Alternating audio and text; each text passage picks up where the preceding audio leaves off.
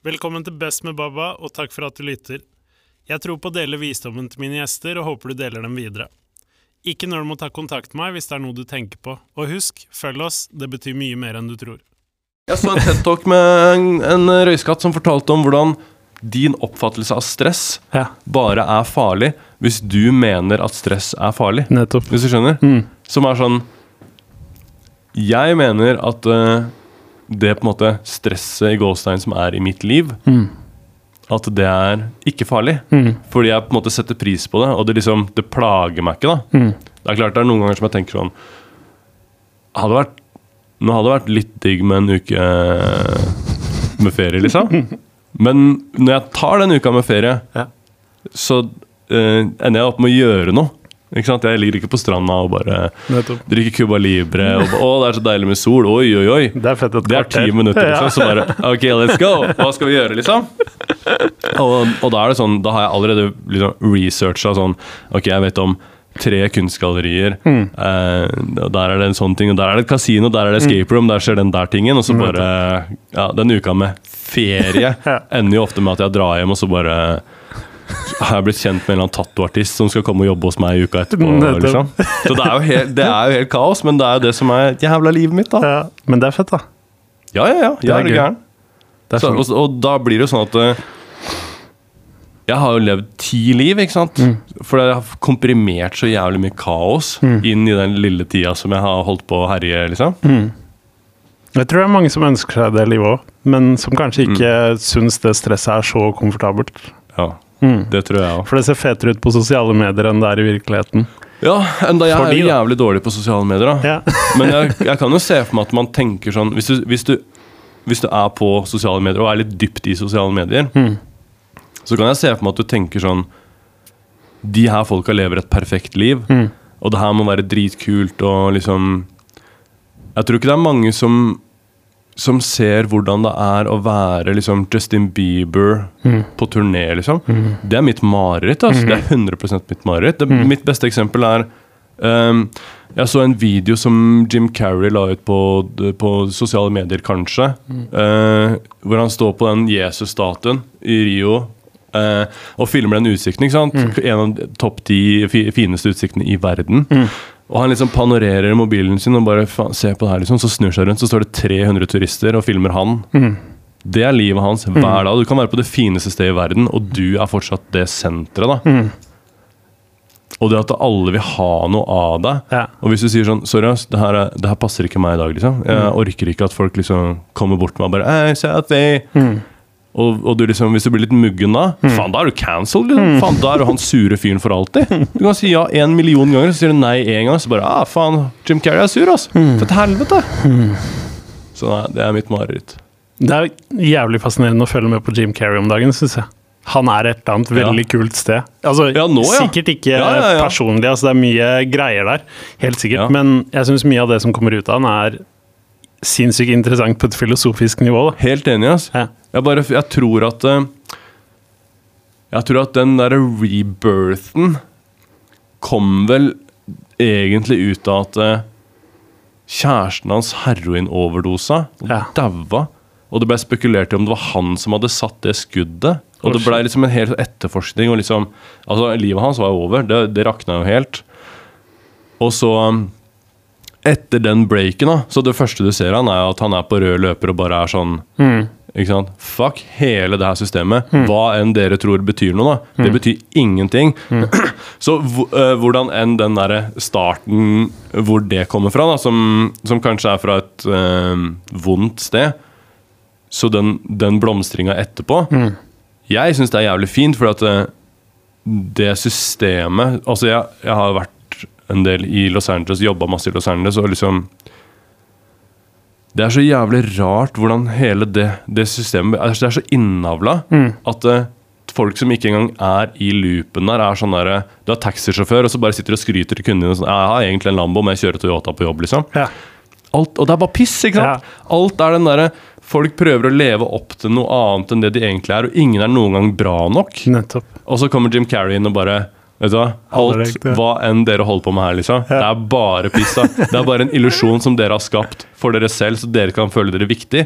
Og ingen av dere er noen gang viktig nok til å være gode nok for den illusjonen engang. Så de liksom De bare havner i en sånn evig Prøve å vise de der Det er sånn sosiale medier. da Du prøver å vise den der beste 1% av deg selv. Mm. Som om det er det du er. Så den ene prosenten kan være bra nok for alle de andre. Og du driter i alle de andre folka! Det er jo hele, det, er det verste. Det er jo ingen, de, de har jo ikke noe å si for livet ditt. Men det er liksom sånn derre Det er helt sjukt, det greiene der. altså Fy faen. Men jeg liker at han liksom bare blæsta hele Ja, ja. systemet, og så bare Jeg er ikke her engang, omtrent, liksom. Det er det samme jeg hadde bønna på podkasten min.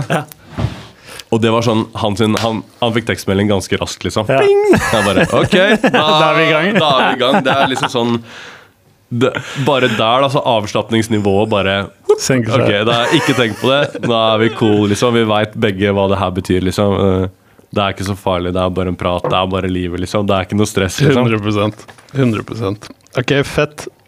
Um, jeg vet ikke om du har fått med deg noen episoder ennå? Jo, jo, jo, er du gæren? Ja, ja. Fett. Eh, da veit du at eh, tradisjonen er at alle får en kopp når de kommer på besøk. Ja, ja, det har jeg fått med meg. Har du kopp til meg òg? Jeg har kopp til deg. Serr? Ja, ja. God damn! Vær så god. Takk! Skal fortelle deg noe gøy eh, rundt han som har lagd den koppen her. Det er jo Erik. Han er jo fra Larvik. Han er fra Larvik. deg. Han har faktisk s- han søkte jobb hos deg en gang. Gjorde det? Så han har vært på intervju hos deg. Hvorfor ga han ikke jobb? eh, han hadde for li lite livserfaring. Ja. Det var beskjeden. ja. Og vet du hva? Det er jo dritkjipt, men uh, i, uh, I sånn som uh, Hvordan skal jeg bortforklare det her, da? Du trenger ikke å forklare Nei, men det er, noe, det er en ting som jeg, setter, som jeg setter veldig pris på, fordi at jeg har, jeg har jobba med så mye mennesker og hatt så mye mennesker jobbende hos meg i forskjellige perioder at eh, hva man kan, det kan man alltids gjøre noe med. Man kan alltid lære, og, og hvis, man, hvis jeg tar noen inn i liksom det miljøet som jeg har hos meg, da, så er det sånn Ok, kanskje ikke du er så rå på denne ting. Ikke tenk på det. Det her kan vi lære deg. Liksom. Det er tre måneder, så er det baus på det, liksom. 100. Men øh, hvis man er litt for ung, så er det sånn Jeg kan ikke lære deg å bli voksen, eller jeg kan ikke liksom lære deg øh, Jeg kan ikke lære deg den følelsen av at vi står i Roma, og det er, klokka er tolv på kvelden, og vi skal rigge opp til den messa vi skal gjøre i morgen. kommer f- øh, 42 000 mennesker. Ja. Vi må være på vårt beste. Og du har spist noe dårlig laks. Du driter på deg. Ja. Sorry, ass, det har ikke noe å si. Vi må levere. Ja. Ikke sant? Og han var helt enig òg. Eh, så, så noen ganger så, så har jeg liksom mm, Det kan nesten være sånn at jeg tenker sånn eh, Det mennesket her er for ungt, punktum. Mm. Og, og jeg kanskje Som en kis som ble tidlig voksen selv, da, Mm. så burde jeg ikke være så streng på det. Men eh, det største problemet mitt er at uh, livet mitt går i 10 000 km i timen. Mm. Og sånne sidetracks som er sånn Her kan jeg få være med på toget. det, det kan fort bli sånn Ja. Eh, jeg vet da faen, jeg holder på med det her nå, men ok, timing er dårlig, så nei. ja. Pluss, hvis han hadde spurt meg igjen et år etterpå, så kan det hende at det svaret var ja. Eh, kanskje bare basert på at eh, faen, han ga ikke opp den gangen, Nettopp. for eksempel. Da. Eh, så ja, det er, det er jævlig vanskelig. Det er ekstremt vanskelig, fordi at eh, tattolærling det er, noe, det er noe annet enn elektrikerlærling, liksom. Det er helt på utsiden av alt. Det er liksom, Hvis du tar inn noen som tattolærling, så da får du et barn til, liksom. Det, du, skal, du skal lære dem ganske mye. De skal, de skal være med deg på veien. da Og De skal kanskje til og med i perioder, hvis man er mye på veien og, og man er rundt og gjør messer og man gjør mye sånne hektiske ting, så er man kanskje sammen 24 timer i døgnet. da Over flere uker, liksom. Så det er veldig personlig. Det er noe helt annet enn å være rørleggerlærling og så bare Klokka er fire, peace out. Og så bare kommer du tilbake. Og så han som du er lærlingen til, kanskje det er sånn der, hvis du møter han på butikken, så er det sånn det er så vidt du hilser omtrent, liksom. da Til i min verden så er det sånn Hvis du kommer inn da, er det en del av min familie, liksom. da Til og med hvis du hvis du da fem år seinere flytter til en annen by og jobber i et annet studio, så er du fortsatt en del av min familie, liksom. Akkurat. Så um, ja, det er veldig spesielt, da. Sånn jeg har blitt kjent med Erik òg. Eh, jeg må egentlig bare berømme magefølelsen din. Fordi der han var da, eh, så var det et veldig godt valg. Og der tror jeg også Erik, eller jeg veit at Erik er helt enig der. Fordi han har hatt en vekst de tre siste åra Ja, som ja. han var helt avhengig av å få for å være mentalt klar for alt som står foran seg. Ja. Så at du sa at han hadde litt for lite livserfaring da, er 100% korrekt. ja, ja. Eh, nå er han et sted der han lever av kunsten sin og flyter veldig på det, men eh, han Så var Erik, ikke det. kom og jobb hos meg nå. Ja, ikke sant? Det er så fett. Så han har um, kjørt en greie, og tydelig at du har hatt et uh, inntrykk på Larvik-befolkningen, for det er liksom mye old school her. Det er logoen din, Ja, ja, ja. eh, som Erik har tatt med seg veldig senere tid. Så all, alle i Larvik vet jo veldig godt hvem du er. og det er jo mange som veit hvem du er nå. Du er jo sinnssykt aktiv, gjør sinnssykt mye forskjellig. Vi Ja. hadde en liten prat i stad, så Ja. det er fem, fem ting som går samtidig, og gifte seg til helga og liksom hele Ja, ja, det er bånn gass. Det er bånn gass. ass. Så mange som kjenner deg, jeg skal gi deg en kort, eh, kort liten intro. ISO, tatoveringsstudio, eh, klesmerke, Later Hater. Yes, sir. Eh, du driver et eh, større oppussingsprosjekt nå, driver og skalerer bedriften din også, Yep. i tillegg til det. Du har podden, du er et hiphop-hode. Eh, Og er kunstner. Og kunstner. Ja. Og det er jo sikkert mer, mer som skjer også enn det. Eh, Veit jo hvordan kreative hodet funker. Er jo, man følger jo mye instinkter her, så det blir alltid nye prosjekter. Men eh, det var bare en kort intro, kort intro av deg, så skal du fortelle resten av historien. Det gleder jeg meg til. Problemet er at hvis vi skal gå i dybden på alle de her tinga, så blir det Det er ikke så lenge siden jeg var gjest på en annen podkast. og det også var en sånn timesprat. Den ble tre timer. Eh, så det er litt fa det er farlig når vi begynner å, å prate for mye om det. Spennende. Vi får se hvor vi ender. Ja, vet Du hva, du må bare ta styringa, og så må du du må bare stoppe og så bare Ja, ok. Videre. Ja, Nei, men det skal jeg gjøre. Jeg skal være kaptein på skipet i dag. Nydelig sagt. Det går bra. Kongas, mann. Vi kan bare hoppe rett på oss. Hvorfor er du så god i det du driver med? Fordi jeg er ganske dum. Um, og hvis du uh, ikke og, uh, Det verste er at det er sant. Altså, jeg er Jeg er så dum at jeg tenker at uh, hvis jeg har lyst til å gjøre en ting, så burde det egentlig ikke være noe problem. For jeg har ikke fått nok motstand. ikke sant?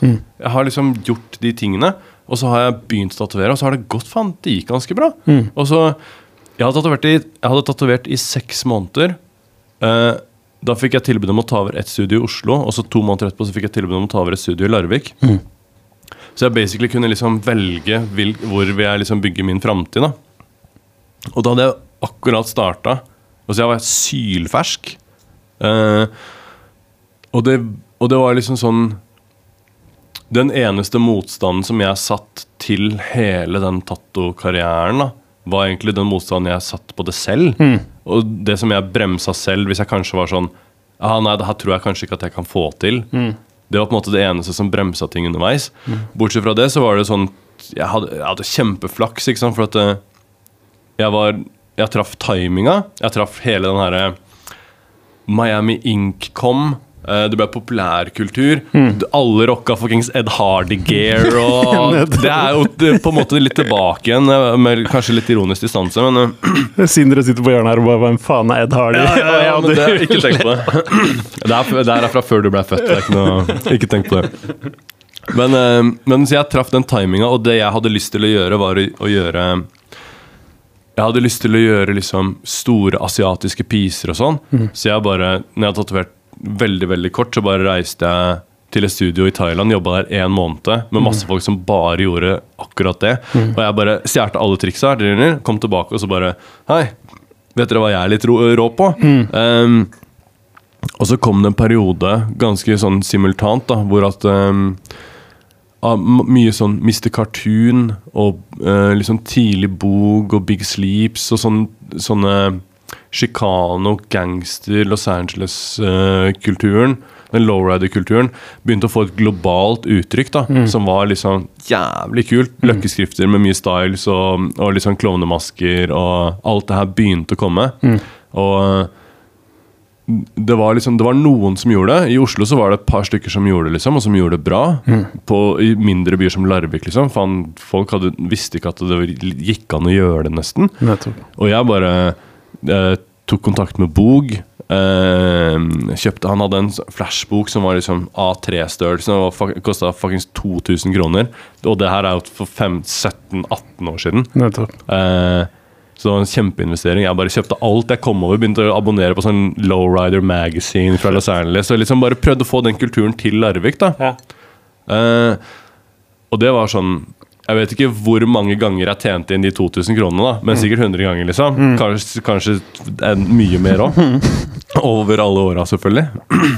Men uh, jeg liksom Og i tillegg så var jeg den nye kiden. Og det å være den nye kiden, så er det sånn Hvis du har mentaliteten til det, til å tørre å liksom komme inn i rommet og si sånn What's up, motherfuckers? Hva skjer, alle, hva skjer gamlinger, liksom? Det, hvor, hvorfor sitter dere og sover? Det er nå det begynner, liksom. Eh, og, og alle de gamle gutta i bransjen som var sånn «Ja, Vi har holdt på i 25 år, bla, bla, bla. Og liksom, de var ganske satt, og de var fornøyd, og de hadde sin plass, og bla, bla, bla. Jeg tror ikke de engang trodde at de kom til å bli utfordra. Og så kom liksom drittungene og bare Hei, det er nye tider, ass. Og med oss så kom hele populærkulturen mm. samla som en enhet. og det er det man ser i rap-verdenen nå. At man ser den 1983-1984-generasjonen som gjorde akkurat det samme. Som kom inn i Norge og bare tok over hele bransjen og starta en ny wave. da Med hele liksom Onkel P og Johnny, Ja. Chirag Tommy T og hele gjengen der. ja, som, mm. Men som kanskje heller tok over for Tommy T. da mm, Nettopp. Som hadde den der midten av TP All-Stars-greia, ja. 2000-tallet-bølga, liksom. Uh, så var jeg på en måte en del av det i, i tattoverdenen. Nettopp. Og som når da kundene begynte å få en interesse for Faen, det går an å gjøre andre ting enn det her som skjedde før. Det går an å gjøre nye ting. Det går an å gjøre de tinga som du ser liksom Du ser, du ser Uh, uh, liksom backpiecen til 50 Cent. da Ikke sant? Den har du sett i The Source Magazine, eller du har sett den King Size Magazine, eller du har, sett den på videoene. Ja. Og det fins en kis i Larvik som gjør sånne ting, liksom. Så, så jeg hadde veldig flaks med at det jeg var veldig interessert i, var vel, det catcha tida litt. Og så, så jeg liksom sklei bare over i at jeg bare basically hadde akkurat begynt å tatovere. Ja. Fikk et studio som basically bare ramla i fanget på meg. Fordi jeg bare fuckings manifesterte det. Jeg bare, det her er det jeg trenger i livet mitt. liksom Hvor er mulighetene? Kan, er det, ikke sant? Hvor er mulighetene? Og så bare helt super random så havna jeg der. Og så det at den retningen jeg gikk, var på en måte den retningen som ting generelt gikk også. Så var det liksom det bare føltes, føltes naturlig. Og nå skal jeg, prøve å svare på spørsmålet ditt. Eh, fordi jeg ikke vet bedre, Mm. så tenker jeg at eh, det er sånn det er. Altså, så hvis, når jeg da tenker jeg har lyst til å lage podkast Mm. Hvordan øh, Så, så jeg er ikke han fyren som sitter på nachspiel og bare ah, 'Faen, jeg har lyst til å lage podkast', bla, bla. Dagen etterpå så bare skjer ikke noe mer. Og så går det uh, 14 dager, og så er han ute med gutta igjen bare 'Faen, jeg har tenkt på podkast igjen. Faen, det er dritfett', bla, bla. Mm. Han fyren som sitter på det nachspielet, så dagen etterpå Mm. så har jeg en podkast. Nettopp. Og, og hvor vanskelig kan det være, liksom? Mm. Jeg bare, jeg bare starter på toppen, jeg. Da trenger vi bare noe utstyr. Ok, hvordan får vi det utstyret? Mm. Og så bare breaker det ned til små delmål, og så bare ok, starter på det. Nettopp. Men jeg, jeg må innrømme at det er rart å sitte og reache ut til liksom kjente folk da, som man ser opp til, og si sånn Hei, har du lyst til å være med på min podkast? Mm. Og de er sånn Ok, det kan være kult. Kan vi få høre noe? Og så er det sånn Ja, det, det finnes ikke ennå. Jeg har bare tenkt på det 100% Men jeg, men jeg føler at det kan være fett. Ja. Og så liksom uh, det, det er jo et paradoks, da. For at du, jeg har jo skapt det allerede, men det er jo bare i hodet mitt. Mm. Uh, så jeg vet sånn halvveis hva jeg vil, men du må jo få med andre mennesker på det også. Hundre. Fordi at produktet fin, fins ikke, Nettopp. med mindre de er med på det. Nettopp. Så um, Og det er det, er det jeg syns er så fett med din podkast òg. At eh, jeg kan se at du starter ut Du starter heavy da med jævlig fete navn. Og sånn dine sånn fem første episoder har sånn mange av de samme som jeg har i mine fem første episoder, liksom. Og øh, det er bare sånn Når jeg så du hadde Nico fra Broslo Ja. på podkasten, tenkte sånn Ok, det her er Hva enn du gjør videre med det her, Ja. hvis Nico har sett noe i det her, Ja. så kommer jeg til å se det òg. Nettopp. 100 garantert. Fett. Og hva enn du gjør videre med det, kommer til å bli en suksess. liksom Det er, det er jeg helt sikker på. For Takk. Nico han catcher det greiene, og jeg vet ikke hvor mange podcaster han er med, er med på. Ja. Men jeg tipper at det er min og din. Eh, og hvis det er noen andre, så blir jeg sånn, jeg overraska, Ja. liksom. Ja. Hvis du skjønner. Ja. 100. Eh, så nei, jeg bare Ja, jeg, jeg, jeg så ganske tidlig i din podkast hva, hva du ville gjøre med det. Ja. Du har jo et jævlig ryddig struktur, bortsett fra selvfølgelig denne episoden, for det, det blir kaos når jeg er med. Men, men strukturen og tanken bak det er så clever, og jeg skulle ønske jeg var så smart, men det er jeg ikke. Så mine begrensninger er jeg er dum, men jeg vet ikke bedre, så jeg får det til for det. Eh, så, så jeg, bare gjør hva enn jeg kan, og det er å, å prate piss med folk, og jeg er nysgjerrig, og jeg er, er liksom jeg genuint ser opp til folk som jeg syns gjør det jævlig bra, og blir imponert. For at eh, der hvor andre kanskje sitter på internett og bare er sånn Og Marius fra YLTV, han, det er bare skimask-videoer, blah, blah». Så tenker jeg, faen, veit du hvor mye energi det tar å skape et produkt som YLTV? Vet du hvor mye jobb det er? Faen, det er som å lage TV3 fra bånn av, liksom. Faen, det er så Hvor mange mennesker man må engasjere. Hvor liksom hvor mye, hvor mange prosent av livet ditt det krever å skape et sånt produkt. Eh, så jeg blir jævlig imponert over det. Jeg klarer ikke å sitte og være sånn Fordi jeg klarer ikke å se liksom sånn Ja, ja kan, men kanskje det er noe feil, kanskje det er noe stumbles, eller, eller kanskje liksom det ikke er perfekt. Men min livsfilosofi er det er bedre med en bra plan i dag enn en perfekt plan i morgen. Hva enn jeg gjør i dag, det er gjort. Det skjer faktisk. Man kan sitte hele livet og planlegge den tingen som man har lyst til å gjøre, og så blir du 40 år, og så bare Jeg har sittet i 20 år og planlagt noe som aldri ble noe av, liksom. Nettopp. Så jeg bare Jeg bare hopper i det, og så bare gønner jeg på, og så gjør jeg det beste med liksom hva Jeg har én verktøykasse. Ka- n- Noen av, Kanskje skrutrykkeren er litt rusten, og kanskje ikke alt verktøy er perfekt, liksom, men faen, jeg klarer å bruke det til det meste, og så liksom jobber jeg med det jeg har, da. Istedenfor å dra på Biltema og, og begynne å handle av den, den her eh, skralla her er sikkert bra, den må jeg prøve. Bla. Drit i alt det der. Jeg bare gjør det, og så finner vi ut av det på veien. Og så kanskje det går til helvete. Men Fett, ass. For vi må bryte ned det der litt. Og én ting er, ehm, er vi på spørsmål nummer én? vi, er på, vi er på nummer én. Ja, det er veldig bra jobba. Godt, gode, ut, utfyllende svar. Um, jeg har um, jobba i en del større kommersielle greier tidligere. Eh, og da holdt jeg, mye, holdt jeg mye kurs, mye foredrag og sånn. Eh, og for det ene selskapet jeg jobba i, som var da Moods of Norway, eh, som Man kan si hva man vil, men de klarte noe som ingen har fått til før. Ja, ja. Man kan si at de, at de brukte tida si og energien sin på champagnelunsjer og surra bort kronene.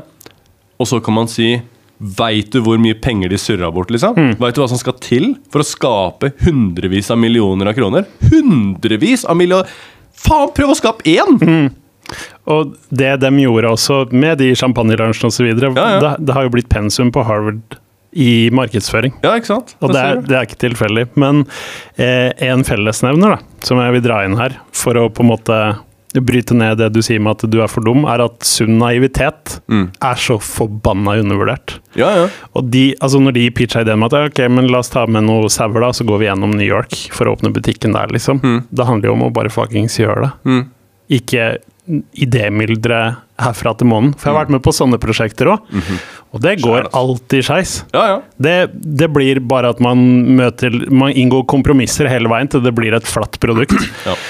Så jeg vil For ingen har baller nok til å gjøre det gærne greiene. ikke sant? Og bare hoppe i det og bare ok Hvis det er planen din, da begynner vi på toppen. Hvor får vi tak i 100 sauer? nettopp. Og så bare jobber vi oss med til at vi har en løsning på Det det. er akkurat det. Så den, Istedenfor at du ender opp med Vi kan få tak i én sau, kanskje? Er det bedre? Det er lettere? nettopp. Drit i det lettere greiene. Bare begynn på toppen og bare finne ut av det, liksom. Det er akkurat det, og den, det du innleder med også, det med at du, du sier at du er for dum, eh, det er jo også kanskje det største problemet de fleste er at de er ikke dumme nok.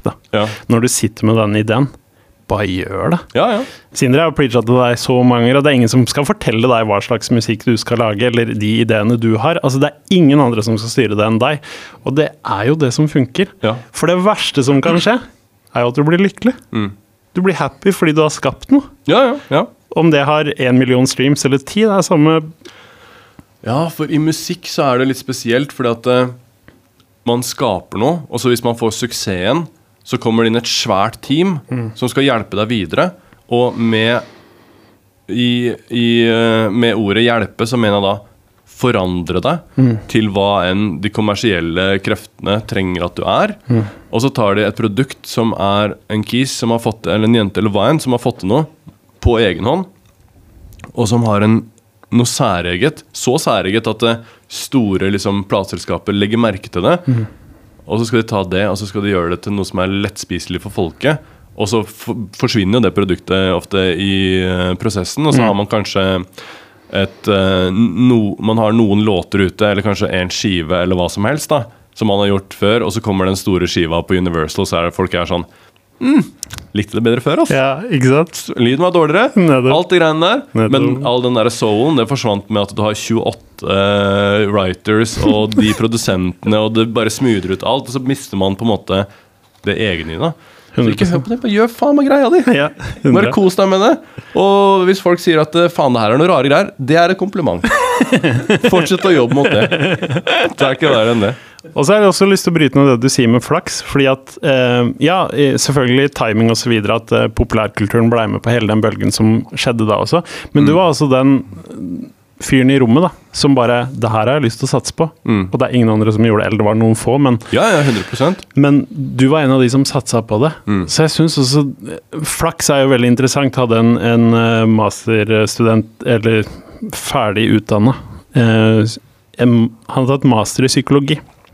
Ja, han sa jo også det med, med Vi snakka mye om flaks, Mm. og hvor, eh, hvor lett det er å melde, da. Flaks. Fordi bak de timene å lære seg den craften og treffe en bølge fordi du var tidligere ute enn alle andre, Ja, ja, ja. man kan jo ikke si at det er flaks. Altså det kommer jo med min eh, Altså jeg har jo mange år med tegning og maling og, og design av alle mulige fasonger. Jeg pleier å si at uh, det var jeg som designa første MySpacen til Marius fra YLTV, liksom. Det, ikke sant? Jeg har mye bakgrunn med sånn. Også det er jo Det er jo på en måte konseptet It took 10 years to be an overnight success. Nettopp. Det er jo på en måte Du må legge jobben, og så må du være klar. Og så God damn, var det deg? Var det meg? Jeg vet ikke. Vet ikke. Ja, man, man må jo være klar, da, for å liksom eh, Vet ikke. Samme. faen Ja, drit i det. Man må, det her snakka vi om i stad. Jeg blir så klein jeg må si ting på nytt da. For at da føler jeg at ikke det er ekte lenger. Så jeg føler at nå forteller jeg en historie på nytt. Men, eh, men, det, men det er noe med det her at du må liksom Hvis du legger i jobben, og du og liksom If you stay ready, you don't have to get ready. Du liksom, du bare, hvis du holder deg der og liksom er klar for mulighetene og er åpen for det, så kommer det. Hvis du ser begrensningene, så er alt begrensa. Hvis du ser mulighetene, så kommer det muligheter. Og muligheter kommer hele tiden. Så lenge du er klar og, og situasjonen din og posisjonen din er riktig, da du kan ta det fucking skuddet. Jeg vet du er sånn fotballgutt. Den ballen er rundt overalt hele tida. Men hvis du er i den posisjonen hvor at ok, nå kommer den fuckings ballen, jeg er klar, jeg har kunnskapen, jeg har bagasjen til det, jeg er i posisjon til det, så går den i krysset, ikke sant? Nettopp. Men hvis du bare Ja, det kommer til å gå sikkert til helvete, det. Mm. da, da går det til helvete, altså. Det er akkurat det. Det er fett, altså. Om noen år så kommer folk til å si jeg likte det mye bedre når du satt og snakka med ISO og det plinga i iPaden istedenfor den store produksjonen du Ja, har på podkasten din ser nå. det. Jeg ser Nettopp. Nydelig sagt. Når du sitter der i Lindmo, motherfucker, liksom. Og bare fy faen, jeg savner den tida. Så når det plinga i den iPaden, og det var sånn hull i den der skjermen. Og, og Sindre hadde faen meg glemt å snu, skru av lyden på iPaden. Helvete! Savner den tida der, altså. Perfekt. Ok, jeg skal utfordre deg nå. Kan du gi oss en kort oppsummering av livet ditt? Fra hvor du blei født til i dag. Go. Oh shit, det her er jo det her, det her, Som jeg sa, jeg har levd ti liv, liksom. Men eh, Men eh, Ok, så jeg kan gjøre det veldig raskt, da. Altså mm, Jeg kommer fra en familie Jeg er vokst opp i Larvik. Kommer fra, fra en familie med mm, basically eh, vokst opp eh, med mor som liksom aleneforsørger. Hatt noen stefedre og sånn. Hatt en far som var liksom ut og inn av bildet til han på en måte var helt ute av bildet. Um, kommer fra en, kan- en sånn veldig standard 90-talls blakk Bing! Veldig standard sånn 90-talls blakk eh, familie, hvor at eh, Du kan få i nye koppen. Takk. Jeg tror at eh, En av profilene vi jobber med, er Sindre Steig. Sjekk ut hans siste slipp. Link ligger i beskrivelsen. Jeg følte kanskje Jeg følte kanskje på det mer enn jeg var ung, at, det, at jeg liksom kom fra en liksom broke familie. Eh, samtidig som etter hvert som jeg har blitt eldre og liksom fått min egen familie og sånn, så har jeg blitt veldig uh, bevisst på at jeg kommer fra en uh, familie som var veldig rik på kjærlighet. At eh, vi hadde ikke noe spenn, men liksom det, Og det var fuckings kaos, liksom. Jeg har Jeg vet ikke hvor mange brødre jeg har, liksom. For jeg vet ikke hvordan jeg skal regne det. Fordi jeg har hatt forskjellige stefedre som har hatt sønner. Jeg har hatt, jeg har hatt kompiser som har vært i fosterhjem. hos meg. Jeg har hatt mange kompiser som har vært i fosterhjem fordi jeg jeg har vokst opp på et sted hvor at det var vi, hvis, sånn er det i Oslo. Du har områder hvor at folk er broke. Og da er det sånn alle er i en fucked up situasjon. Liksom, da. Så det er bare sånn, Hvem er i minst fucked up situasjon? Det var meg. Så uh, gutta mine bodde jo hos meg. Jeg hadde venner som bodde hos meg i flere år. liksom um, Så det var jo sånn, en veldig sånn kaossituasjon. Så kanskje det er der jeg har liksom lært meg å bare trives i kaos. For jeg er liksom vokst opp, uh, vokst opp i det. Uh, det er, det er første gang jeg tenker på det nå, faktisk. Men, uh, men uh, mutter'n var liksom alltid en sånn veldig sånn sterk figur, da. Som styrte, styrte den skuta, liksom. Um, og som jeg har sagt tidligere, jeg ble ganske eh, Liksom, den eh, Jeg ble ganske voksen før jeg skjønte at det ikke var normalt å ha en narkis i en campingvogn som bodde i hagen, som var med å spleise på husleia. Ja. Som mutter'n hørte jeg sa det her på en annen podkast, og hun bare Hei! Han bodde ikke i vår hage, vi bodde i blokk. ikke sant? Ja. Han bodde i ha hagen til Tom, som bodde i leiligheten over oss. Det er viktig. Ja. Han spleisa ikke på vår husleie. Han spleisa på husleia til Tom. ja. Uh, bortsett fra det så stemte jeg det stemte sånn cirka. Jeg fikk også min første Rambo-kniv av han eh, narkisen. Ja. Så jeg syntes han var dritkul. Ja. Jeg var sikkert fem år, og det var dritfett med Rambo-kniv. liksom Nettopp. Noen ville sagt at kanskje det var uansvarlig, Ja. men, eh, Dem om det. men ja, dem om det. Men det her var på en måte de omstendighetene som jeg vokste opp i, da, sånn cirka. Eh, mye Mange av de andre kidsa som var på min alder, eh, vokste opp eh, og endte opp på et dårlig sted, eller eh, vokste ikke opp i det hele tatt. Eller liksom, det, var- det var mye rart, da. Eh, og jeg tror kanskje etter hvert som tida har gått, så har man ikke på en måte gjenskapt den situasjonen i, i en liten by som Larvik. Det var på en måte, det var bare den tida og livssituasjonen til liksom mange mennesker på en gang som gjorde at det var liksom røft. Nå tror jeg det, det er liksom ikke nærheten av å være sånn lenger, liksom. Nå er det mye ryddigere forhold. Men eh, ja, så basically eh, Barndommen var, eh, var egentlig smooth. Jeg kosa meg som faen. Det var litt sånn eh, Etter hvert så har jeg, jo- har jeg jo hatt venner som på en måte har vært i sin første slåsskamp når de var voksne. Som jeg, det syns jeg var rart. Har du aldri hatt en blåveis før du var voksen, liksom? Eh, jeg har kommet på, med blåveis på barneskolen. Vet du hvor flaut det er å komme med den klokka på barneskolen? Eller fucking hell. Du kan si at uh, ja, det var jeg som vant, eller ble alt det greiene. Det har ikke noe å si. Altså. Du kommer med den der, eh, du kommer med andreplassen-medaljen, liksom. Det hjelper ikke. Eh, så så uh, det faen jeg, Barndommen min var jævla fin. Jeg koste meg, og, og vi hadde det gøy. Det var litt kaos og litt herjing, og så, men for meg så var ikke det noe Det var ikke noe traumatiserende på noen som helst måte. Det var bare hva, hva livet var. Eh, begynte å jobbe når jeg var superung, egentlig. Fordi jeg så bare veldig fort verdien av at jeg kan gjøre litt spenn, og så kan jeg, ha, så kan jeg bare kjøpe meg noen bukser, så jeg bare har samme bukser som alle andre, og noen gensere med en logo som bare gjør at vi, da er vi det samme, på en måte. Eh, mest som en sånn ting som Jeg har skjønt seinere at kanskje hvis man bare har kommer fra en helt sånn middelklassefamilie, så tenker man ikke på at «Ei, han har gått med Bosselini-bukse eller, sånn, eller Raggas-bukse, eller hva faen.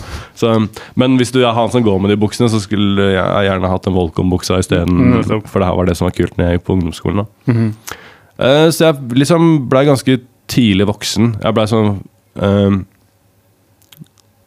Jeg liksom bare hoppa i voksenlivet, og så trives jeg i voksenlivet.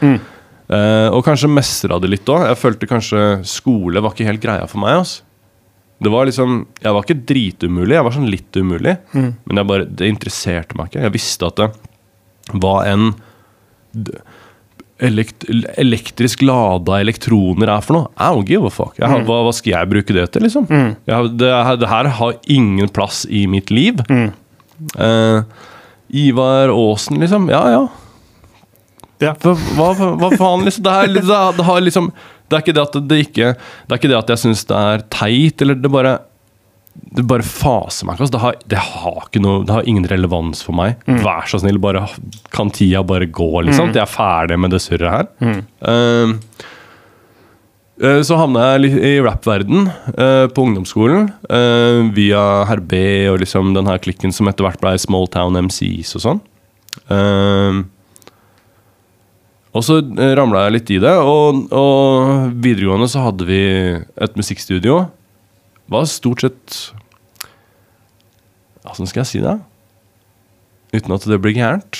Men det var jo ved et tidspunkt en ganske stor narkorazzia. da, Som gjorde at det, det er noen ting man kan snakke om, for at dette her er eh, på en måte Det er paperwork på det. Ja. Så mange av de her gutta som var med i det her studio, var jo ikke kanskje så opptatt av musikken. Eh, så det fikk jo en slutt ved et naturlig tidspunkt. Um, og jeg eh, dro i Forsvaret.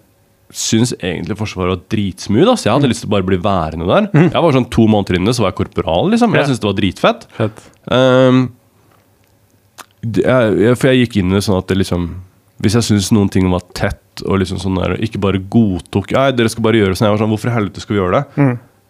Så ga jeg litt motstand til systemet. Så bare Oi, han her sier imot. Få han inn her. Han kan vi gjøre en leder ut av. Ikke sant? Som om Jeg ante jo ikke at det var det som var betydde. Jeg trodde at det, nå kommer det til å være som på skolen. At uh, han er umulig. Ja, ut. Få han ut. Han kan gå og klippe heksa med vaktmesteren i dag. Liksom. Som, det skjedde bare én gang, da, men det var liksom en gjenganger på min skole. Sånn teite ting som det. Uh, Så jeg gjorde det ganske bra i Forsvaret. Kulan som faen. Når jeg var ferdig, når jeg skulle dimittere, så ble jeg spurt om jeg ville mm, komme tilbake og gjøre det samme året en gang til, med lønn og alt det her. Eh, og det var egentlig kanskje planen min. Og så hav, liksom havna jeg mer i det rap-greiene.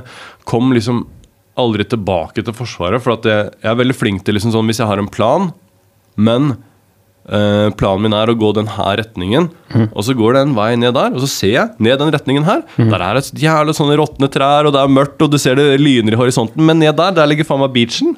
Så da går jeg ned der. ikke sant? Jeg, er veldig, jeg føler, føler at jeg er flink nok til å navigere det her eh, greiene. At, at jeg kan liksom Ok, nå går vi den her retningen isteden. Det kommer til å være bedre for meg. Ja. Og så var det en periode i, i liksom Larviks historie, da, hvor at um, det ble en sånn der uh, rap-bølge i Larvik. Hvor at det, de, liksom, alle de liksom store norske rapperne Alle de norske rapperne som var på vei til å breake, alle de kom og spilte på jams i Larvik. Og så ble det en sånn samlingspunkt. Um, og det var, sånn, det var noen sånne hubs rundt i Norge da, hvor man liksom samla den kulturen. Og da var jo jeg var jo på en måte allerede litt i det med min liksom rap-bagasje. da.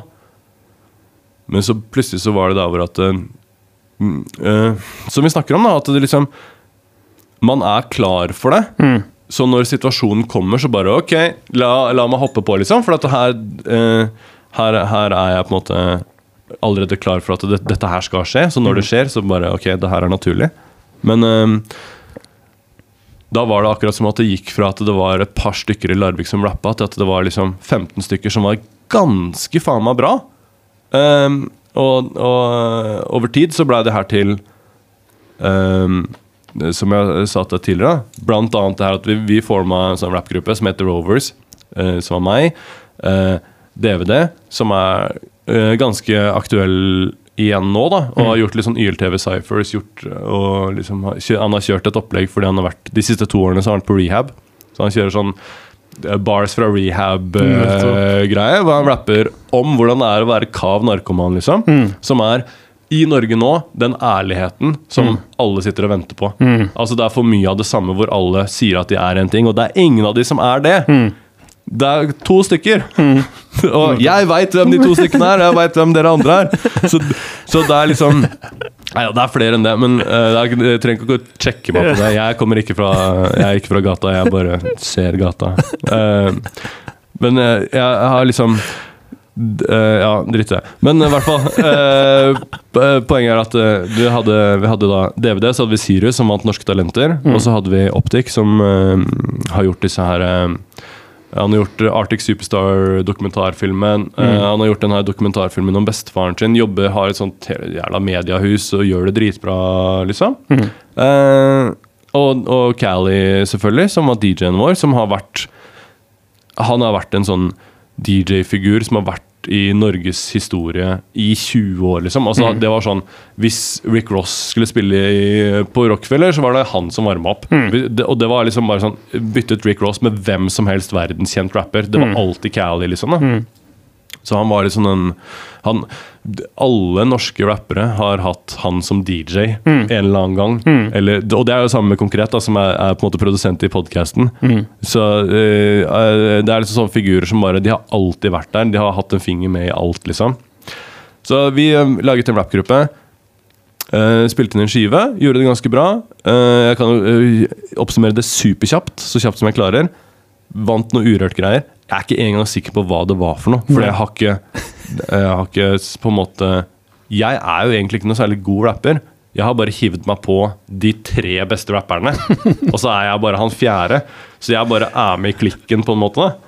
Eh, og, så, og så har det på en måte hatt en, en ok suksess. Gjorde noen urørt greier. De ringte fra artistpartner. Vi eh, kom på møte. Vi kom på møte. Fikk eh, en avtale som var ganske bra. Uh, Blei booka til masse kule gigs, masse svære gigs. Spilte liksom Spilte liksom sånn rett før headlineren, kanskje, på russetreff på Tryvann. Vi spilte på russetreff i Lillehammer rett før Onkel P og Jonny. Sant? Vi, vi fikk masse sånne der jævla kule gigs. Da. Spilte på to ganger H. Vi spilte på to ganger H, varma opp for Slick Rick og spilte russetreffet i Lillehammer tre dager på rad. Nettopp. Så vi var på turné plutselig. Så det var liksom eh, Det var liksom en hype, da. Vi begynte liksom å bygge et eller annet. Vi følte liksom, altså Når vi kom hjem fra tre spillejobber tre dager på rad, tre svære greier, på liksom forskjellige kanter av Norge, det var sånn Faen, vi har made it, liksom. Men vi visste jo ikke at vi hadde jo ikke made en dritt. Nei. Det var bare, ikke sant? Det her var på en måte Det her er ikke made it, det her er det første steget inn i denne bransjen. Hvis du, hvis du benytter sjansen nå, så har du en mulighet. Men vi bare faen, vi Det her er dritfett. Og som jeg sa tidligere, det, det endte opp med der hvor vi liksom satt i møter med artistpartnere, og de var sånn Det her er de tingene vi har lyst til for dere. Dra i studio, spille inn låter som kanskje er litt uh, lettere å spise for uh, gjennomsnittlig publikummet. Her har vi en plan. Og vi var sånn Nei, det er gøy å spille konserter. Vi vil jo bare fortsette med det. Det er jo kroner. Konserten er jo det man er rapper for. Du er ikke hvert fall, Jeg er ikke noe studiorapper, liksom. Jeg har ikke noen fuckings bars, liksom. Jeg har ikke det, det, det der greiene der. Jeg kan, komme unna, jeg kan komme unna med noe, liksom. Men jeg henger egentlig bare Jeg er han siste fyren, liksom. Som, jeg kan godt snakke høyest når jeg kommer inn i rommet, men i rap skills så er jeg han siste fyren, liksom. Eh, Så det endte opp med at de artistpartnerfolka De signerte jo mye andre folk på den samme tida. eh, Og signerte to andre rappere som dro i studio, og som lagde de låtene som de ville ha. Som fulgte den formelen, og som gjorde alt det som, som de ville. Og det er Erik og Chris. Mm. Erik og Chris de hadde en helt annen karriere enn The Rovers. Gøy, altså. Fett. Vi har fått dekka ganske mye der. Jeg mangler fortsatt det, det som skjedde etter uh, rappen. Oh, ja, Ja. vi er på spørsmål to. Ok, så er vi på spørsmål to, én eller to? tre, faktisk. Tre? Ja, ja. Vi er i gang. Ok, så nå har jeg troa på at vi kommer oss igjennom arket. Så etter rappen så er det, det er litt sånn flytende overgang, for det er ikke det at jeg egentlig har slutta med rap, men da bor jeg i Oslo. Og så har jeg Jeg tror kanskje jeg har uh, Bruker liksom mer av energien min på design og logoer og liksom utseende på ting. da Eller jeg kan liksom se jeg, jeg, For jeg har alltid tegna, alltid mal, malt, alltid gjort sånne her ting. Men jeg, men jeg begynner kanskje da å få litt, litt mer Å innse at jeg har liksom et øye for å se hva som funker sammen, og hva som ser bra ut og ikke. Og sånn Og gjør liksom bare litt sånn enkle ting. Det er snakk om ganske enkle sånn logodesign og, og sånn som alle nå har lært, liksom, da, på, gjennom en eller annen skole. Men da så bare var det en annen tid, liksom. Og øhm, følte ganske tidlig at jeg liksom hadde litt øye for det. Uh, holdt på med det her, samtidig som jeg bare gjorde hva enn for å paye husleie. Liksom. Det var bare en sånn side hustle. Til vanlig, så for å betale husleie, så jobba jeg på noe som het uh, Losang. Som var det samme som Dagsen. Nettopp. Og det var Det miljøet der, det Oh, det var uh, Skjæra til alle andre som har vært på Losang. Jeg vet det er en del av dere rappers out there. Jeg har liksom Jeg jobba Jeg jobba sammen med eh, Tommy Orion fra Small Town MCs. Jeg jobba sammen med um, Hakan fra Ton of Bricks. Sammen, det her, Kanskje de her aldri har sagt det nå, at de har vært og jobba der. Men, men det, her, det var basically Dagsen. da Du dro til et kontor på Karl Johans gate, eh, rett ved siden av kondomeriet, liksom. Eh, gikk opp i treetasje. Satt på, det, da satt det 30 stoler i et rom. Så var det en liten pult foran hvor det satt en baus som sa vi trenger to stykker som skal bære 35 tonn med sement i sekker fra ene plassen 500 meter opp på andre sida for hånd i dag. Ja. Og så i en eller annen prioritert rekkefølge som etter nåtidens standarder var jævlig rasistisk, for det første. Eh, men også da basert på tidligere eh, prestasjoner Ja. innafor dette her greiene. Altså, hvis du hadde, hadde vært der i to måneder og jobba og vist at du kunne gjøre bra ting, så ville, vil du komme foran i køen. da. Så det var ikke noe sånn hvem som kom der tidligst, eller hva som helst. Men det her var jo da byggeplassen åpner klokka sju, så det måtte jo være på det her kontoret klokka seks. kanskje da Så jeg måtte liksom ta den tidligste banen, bodde på Sognsvann. Måtte ta liksom 0545-banen, eller hva faen, liksom. Så det var en ting som jeg ikke Digga det ikke, men jeg bare gjorde hva enn jeg måtte gjøre for å få spenn, så jeg kunne gjøre det jeg likte å gjøre ved siden av. da Nettopp. Uh, men vet du faen, jeg. På en måte så er det noe Er det noe liksom positivt med å ha en ting som du må gjøre, som du egentlig ikke liker, og så gjør du det for det. Og så Du kan hate det hele veien imellom, liksom, men når du kommer ut andre sida da, og er sånn Ok, hva enn livet putter mot meg nå, da, så veit jeg at eh, hvis jeg kan gjøre det greiene der, liksom Ja. Hvis jeg kan stå på toppen av en skyskraper og hakke is med et spett da, i tre dager i, i strekk, liksom, i fuckings i minus ti grader, og det bare Det er den dummeste jobben som fins, og den kjipeste jobben som fins, liksom. Hvis jeg kan gjøre det, så er det, at denne tingen skjer, liksom, det er ikke så jævlig farlig. Det er liksom, man, man setter ting i litt større perspektiv, da. 100 Det at Å nei, kanskje noen sier at å, du er ikke så flink til å tatovere. I don't give a fuck. Det er ingenting. Jeg kunne hatt en ekte jobb, liksom. Vet du hvor kjipt det er, eller? Det er faen meg kjipt. Det er ingenting i forhold til at «Øy, noen skrev noe om deg på internett. Oi, oi, oi. Ja, nettopp. Jeg tror, det er, jeg tror det er veldig sunt å finne det i seg, og, og beherske det. Og så tror jeg at det er dessverre for mange som bare blir stående i det fordi de blir komfortable i det, uansett hvor dritt det er. Mm. Og så er det Det er den trygt, jobben du har. Det er det som er. Mm. Det, er det som er trygt, er litt farlig. Det er det. Uh, og det, jeg tror det er litt sånn steinaldergenetikk. Det her at eh, man du er, Mennesker er liksom programmert til det du vet, og det du kan. Det er liksom Da vet du risken. Det er liksom kalkulert. Alt sammen er liksom en kalkulert pakke. da Men hvis du gjør noe helt annet, så er det liksom Det er en grunn til at vi drar til Granca og spiser på den samme restauranten hver dag i 14 dager, liksom. 100% Og jeg tror, sånn ut fra det, den samtalen vi har hatt så langt også, at du fikk det som kanskje er ukomfortabelt, å kjenne på å stå i det. Om det er stress eller om det er ukomfortabelt, å beherske det tidlig, da, gjør jo at du fort søker nye ting. Ja, ja, ja, ikke Det sant? henger kanskje sammen. Ja.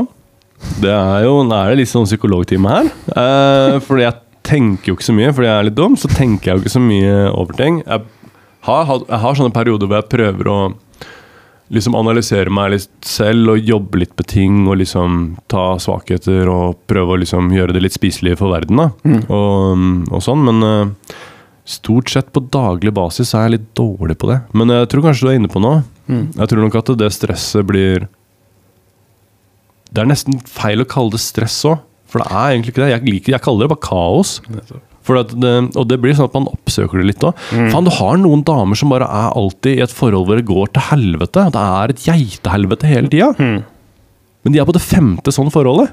Så det er bare sånn Ja, kanskje det er noe comfy med det kaoset, og noe liksom tiltrekkende med det. Sånn at man liksom bare søker det hele tida. Um, Fordi det er utvikling i det. da. helt sikkert, altså. Det er jo det. Helt sikkert. Hver gang du Det er i hvert fall ikke kjedelig. Nei, det er akkurat det. Hver gang du gjør noe som du ikke har eksponert deg selv for før, Ja. så vil du alltid utvikle deg et steg videre fordi du erfarer noe nytt. Ja, ja. Om det er negativt eller positivt, det kan du vinkle herfra til helvete. Men Ja. det er jo en form for utvikling i det uansett. Da. Ja, og Selv om det er negativt òg, så lærer man seg i hvert fall hva man ikke liker, og hva som ikke fungerer. Altså, 100%. Ja. 100% Så jeg tror Det høres sånn ut, da. Nå er ikke jeg noen psykolog på noen som helst måte, men det høres ut som du oppsøker litt de situasjonene fordi du veit at det, det er noe nytt bak neste sving. ja, ja. Og det er jo fett. Det ja er jo utvikling. jeg, jeg koser meg med det, jeg. Ratt, ass. Vi er fortsatt ikke ferdige ass, med oppsummeringa. Vi har ikke kommet til dagen i dag. Så eh, Da er vi på der hvor at eh, jeg eh, ja, eh, Vi kan jo på en måte choppe det ned til at eh, jeg har fått muligheten til å begynne å tatovere.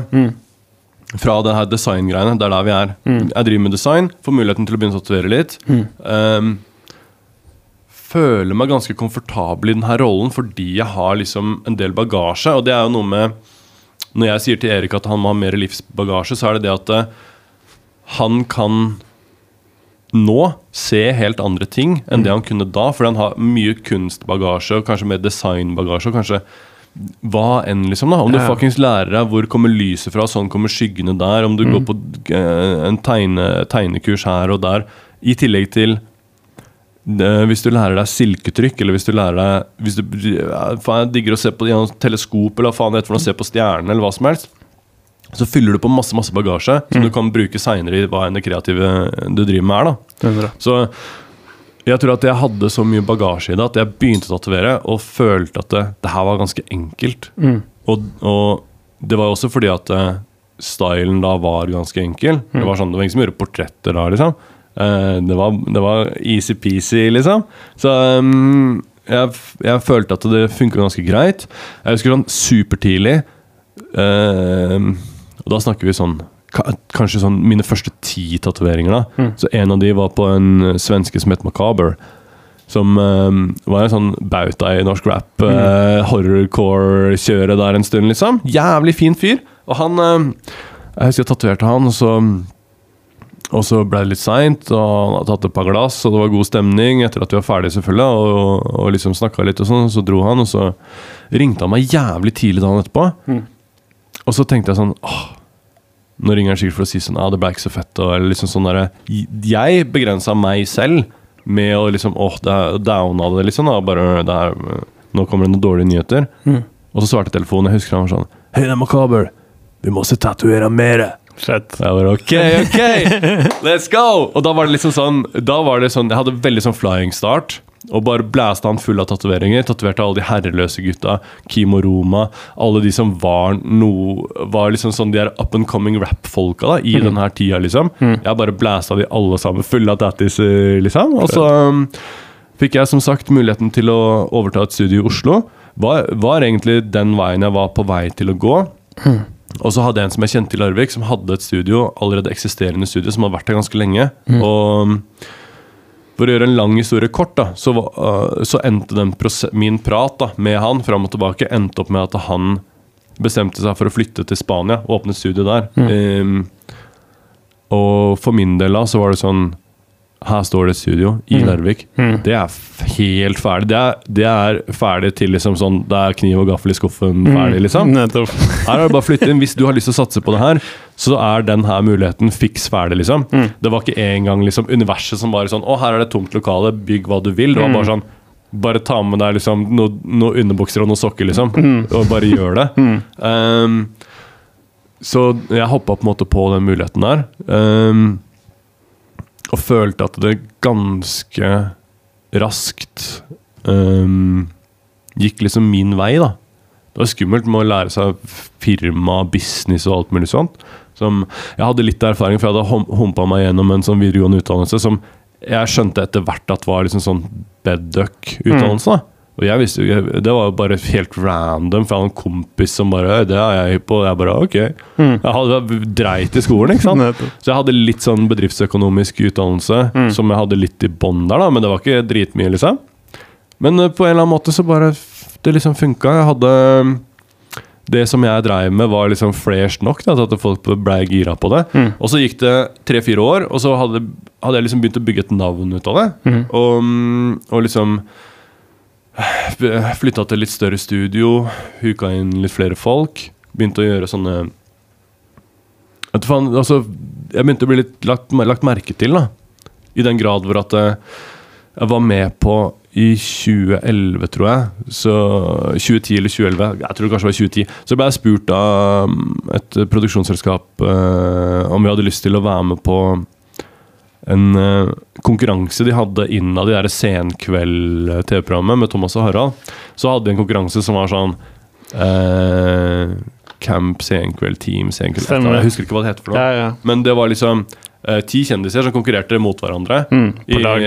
Stemmer. Ja, på Mm. lag. Mm. To lag mot hverandre. Mm. Og så ble noen stemt ut, og så var det et helt sånn reality-show. Men det Mm. var på en måte bare innad i Senkveld TV-programmet. Mm. Um, hvor de liksom spurte sånn Øy, vi er høy på å ha en piercing-konkurranse. Dere Mm. driver med piercing, kan vi gjøre noe, liksom? Jeg var sånn, faen, ok, kanskje det kunne vært fett. Um, og det var sånn lang prosess. Veldig sånn uh, Det var sånn mitt første møte med liksom TV-produksjon. da Mm. Og jeg ga faen i TV, liksom. Det var sånn, Jeg, had, jeg tror ikke jeg hadde TV på den tida. der Jeg hadde, sånn, jeg hadde flere år hvor jeg ikke hadde TV hjemme. liksom Mm. Um, så jeg var veldig sånn åpen for å gjøre min greie.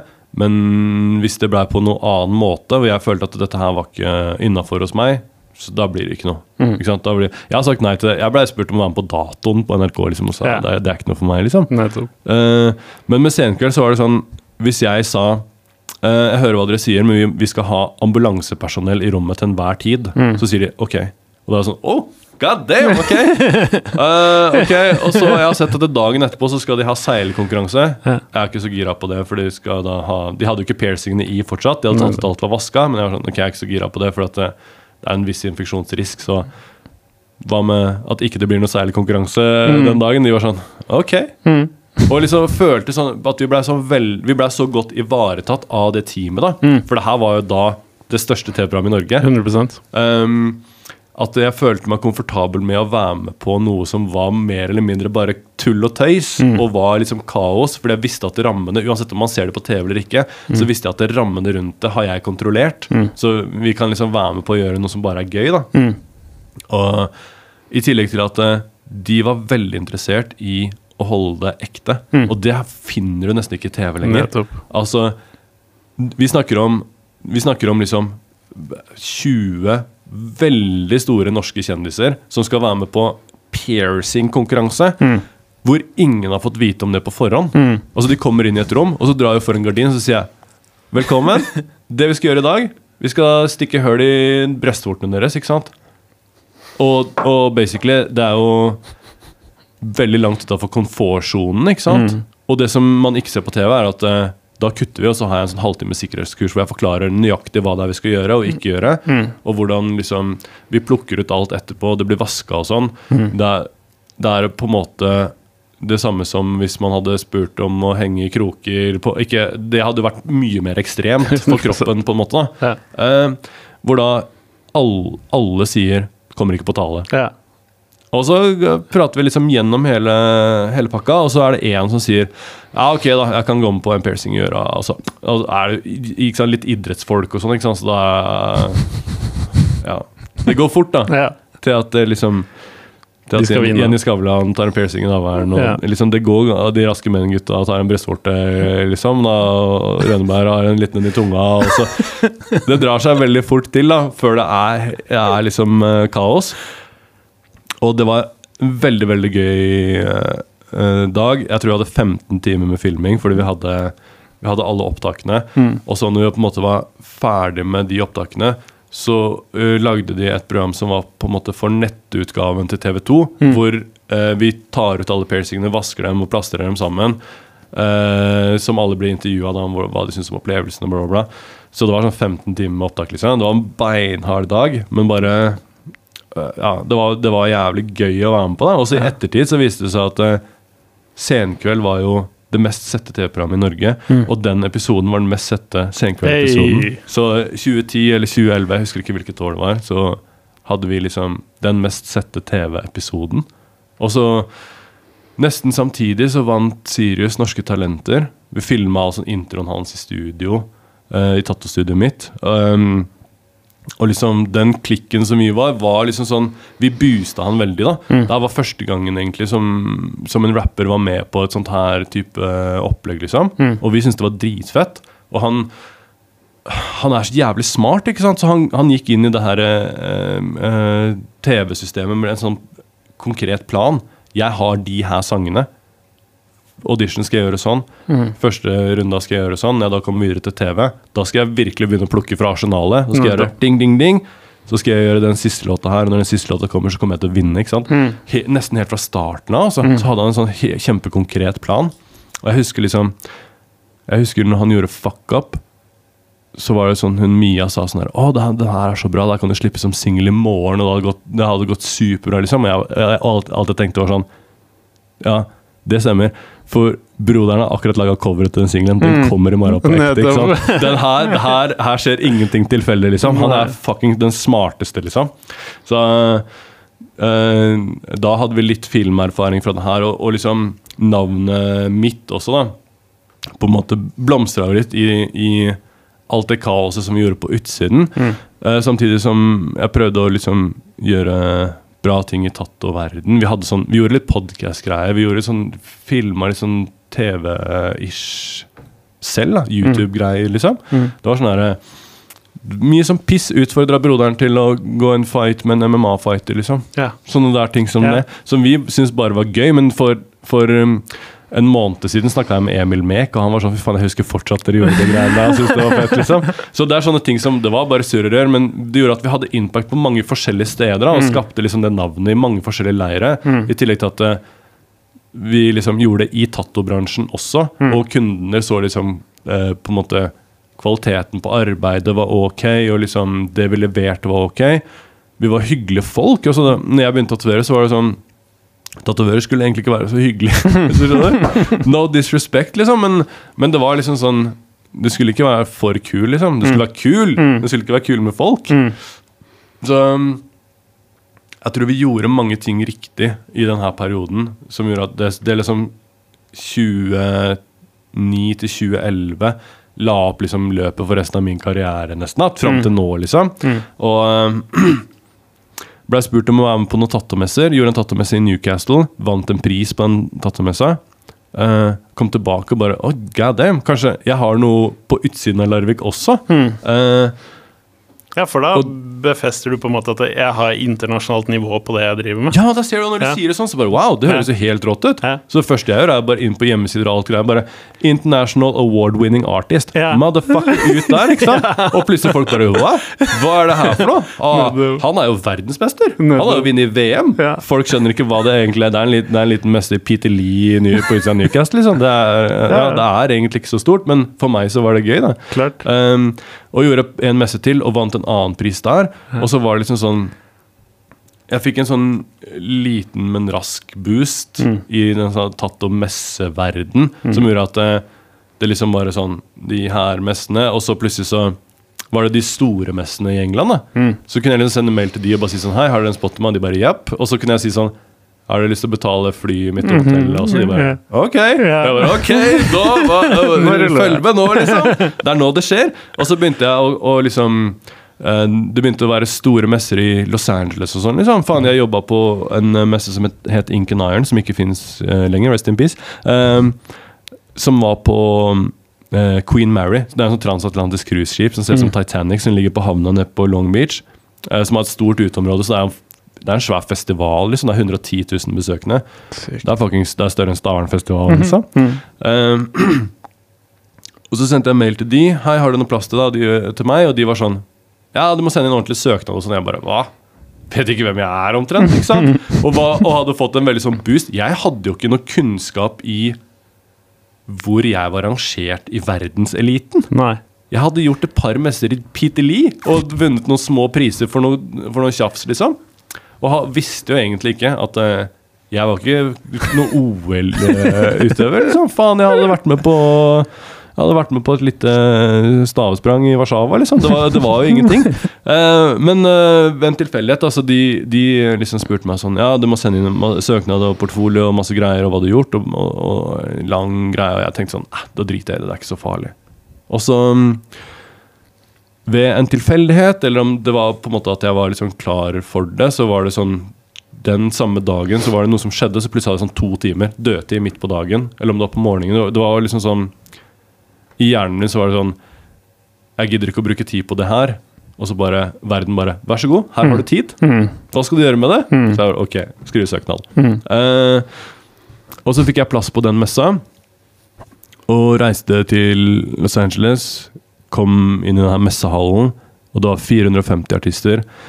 Og det er liksom De folka som sitter rundt meg, det er Corey Miller fra LA Ink. Det er liksom de her Miami Ink-folka. Det er eh, Boog, uh, Big Sleeps, alle de her folka som jeg snakka om tidligere, som jeg kjøpte boka til Boog. For Rest in Peace Boog, en av mine liksom største inspirasjonskilder. Jeg kjøpte boka hans til 2000 spenn for å liksom ta det her til Larvik, og så plutselig så bare er han og ser på min bok. Og liksom den her tanken er helt crazy, da. Ved siden av meg så sitter Jack Rudy, han fant opp svart-hvitt-tatovering. Rett overfor meg så sitter han kisen som har gjort uh, sleevesa til Sylvester Stallone, ikke sant, Mike DeFree, så, uh, som tatoverer alle de her kjendisene. Alle som sitter rundt meg, er giganter, da, og, og jeg bare I'm a, I'm a big boy! liksom bare, Jeg er fra Larvik, eh, og liksom sånn Du er helt bitte liten fisk i en kjempestor dam med haier, liksom. Og, og liksom eh, Og for meg så var det kanskje en bra sånn reality check at jeg kanskje Du trodde du var Du trodde du var baus, liksom, men du er fortsatt han guttungen, liksom. Du kan komme inn og sparke inn døra og rope høyt, liksom, men her må du bevise hva du har å gjøre òg, liksom. Um, og liksom gikk fra den her tattomessa. Det, var- det var super, super Veldig sånn positiv opplevelse. Endte opp med å bli værende der i en måned, kanskje, og jobbe litt rundt. Uh, ble kjent med jævlig mye fine folk, som, og det her sparka på en måte at jeg liksom kom tilbake en måned i året og Mm. jobba i nye studioer og gjorde tattemesser, gjorde Inkenæren på nytt. Liksom vokste den her tingen, da. um, og så tror jeg kanskje et sted på veien at uh, det ble ikke så farlig for meg å være liksom Være den beste, gjøre, og ha de prisene og, og gjøre alt det greiene. For det, det ikke Det var egentlig ikke viktig for meg i utgangspunktet før jeg begynte å få dem. Så bare wow, det her var stort. Men før det så brydde jeg meg ikke om folk som hadde 100 priser, liksom. Det er så mye tilfeldigheter i å vinne sånne ting òg. Mm. Så jeg visste liksom at det, det er litt lotto. Og så hvis du er smart, så kan du vinne priser bare på å ha én kul backpiece som du tar med deg på turné rundt i Europa, og så vinner du alltid noen priser på den, liksom. Kontra meg som bare Jeg bare dro, jeg. Så bare tatoverte jeg hvem enn som jeg fikk av kunder, og så bare, hvis det passa å putte det inn i beste black and grey-tatovering, så ok, da gjør vi det, liksom. Men jeg konkurrerte jo med de folka som hadde en backpiece de hadde brukt tre år på å gjøre dritfet, liksom. Så det var litt lotto hva som gikk veien, da. Men um, så følte jeg kanskje at jeg fikk liksom reality check. At øh, det, det, er, det er kult, det du gjør, liksom. Men det er bare en vanlig kis, liksom. Er, du trenger ikke å du trenger ikke å hele tida fighte. Du trenger ikke hele tida slåss med, med liksom å vise deg fram. Bare gjør jobben din, og gjør jobben din bra. Hva alle andre holder på med. Det er ikke så farlig. Du må ikke liksom inn i alle miljøer og liksom befeste en rolle, da. Og liksom skape et fotavtrykk overalt, liksom. Og da ble jeg veldig sånn komfortabel med å liksom bo i Larvik, være i Larvik. Um, og kunne heller reise, reise en del, men ha det som base, og så bare blæste ut så kule tatoveringer som jeg klarer, da. Ja. Fra en base som folk liksom er sånn Larvik? Seriøst, liksom? Mm. Det, kommer det greiene derfra, liksom? Og bare bruke liksom metode på å fokusere på arbeidet mitt, da. Som er basically det jeg har brukt de her ti årene fra 2010-2011-tida, da, altså fram til nå, liksom. På å bare levere kvalitet, men også uh, gjøre tattomesser, Og Og fortsatt gjøre den derre Være han, han I'm a big boy. Midt i den her gruppa med dritfete folk i eh, Amsterdam eller Roma eller hva, Berlin eller hva som helst, liksom. da men bare liksom fokusere mer på meg selv da, og hva jeg driver med, Ja. enn hva alle andre holder på med. Som til slutt har blitt sånn at eh, jeg vet jo ikke hva som skjer i verden lenger. Ikke sant? For at jeg bare Ok, det her er mitt løp. hva, hva som skjer på utsida av meg, det er bare Jeg følger ikke med, nesten, da. Det her var del én av episoden. Del to kommer ut neste mandag. Husk å følge oss på YouTube, og der du hører podkast, gi oss gjerne en tilbakemelding.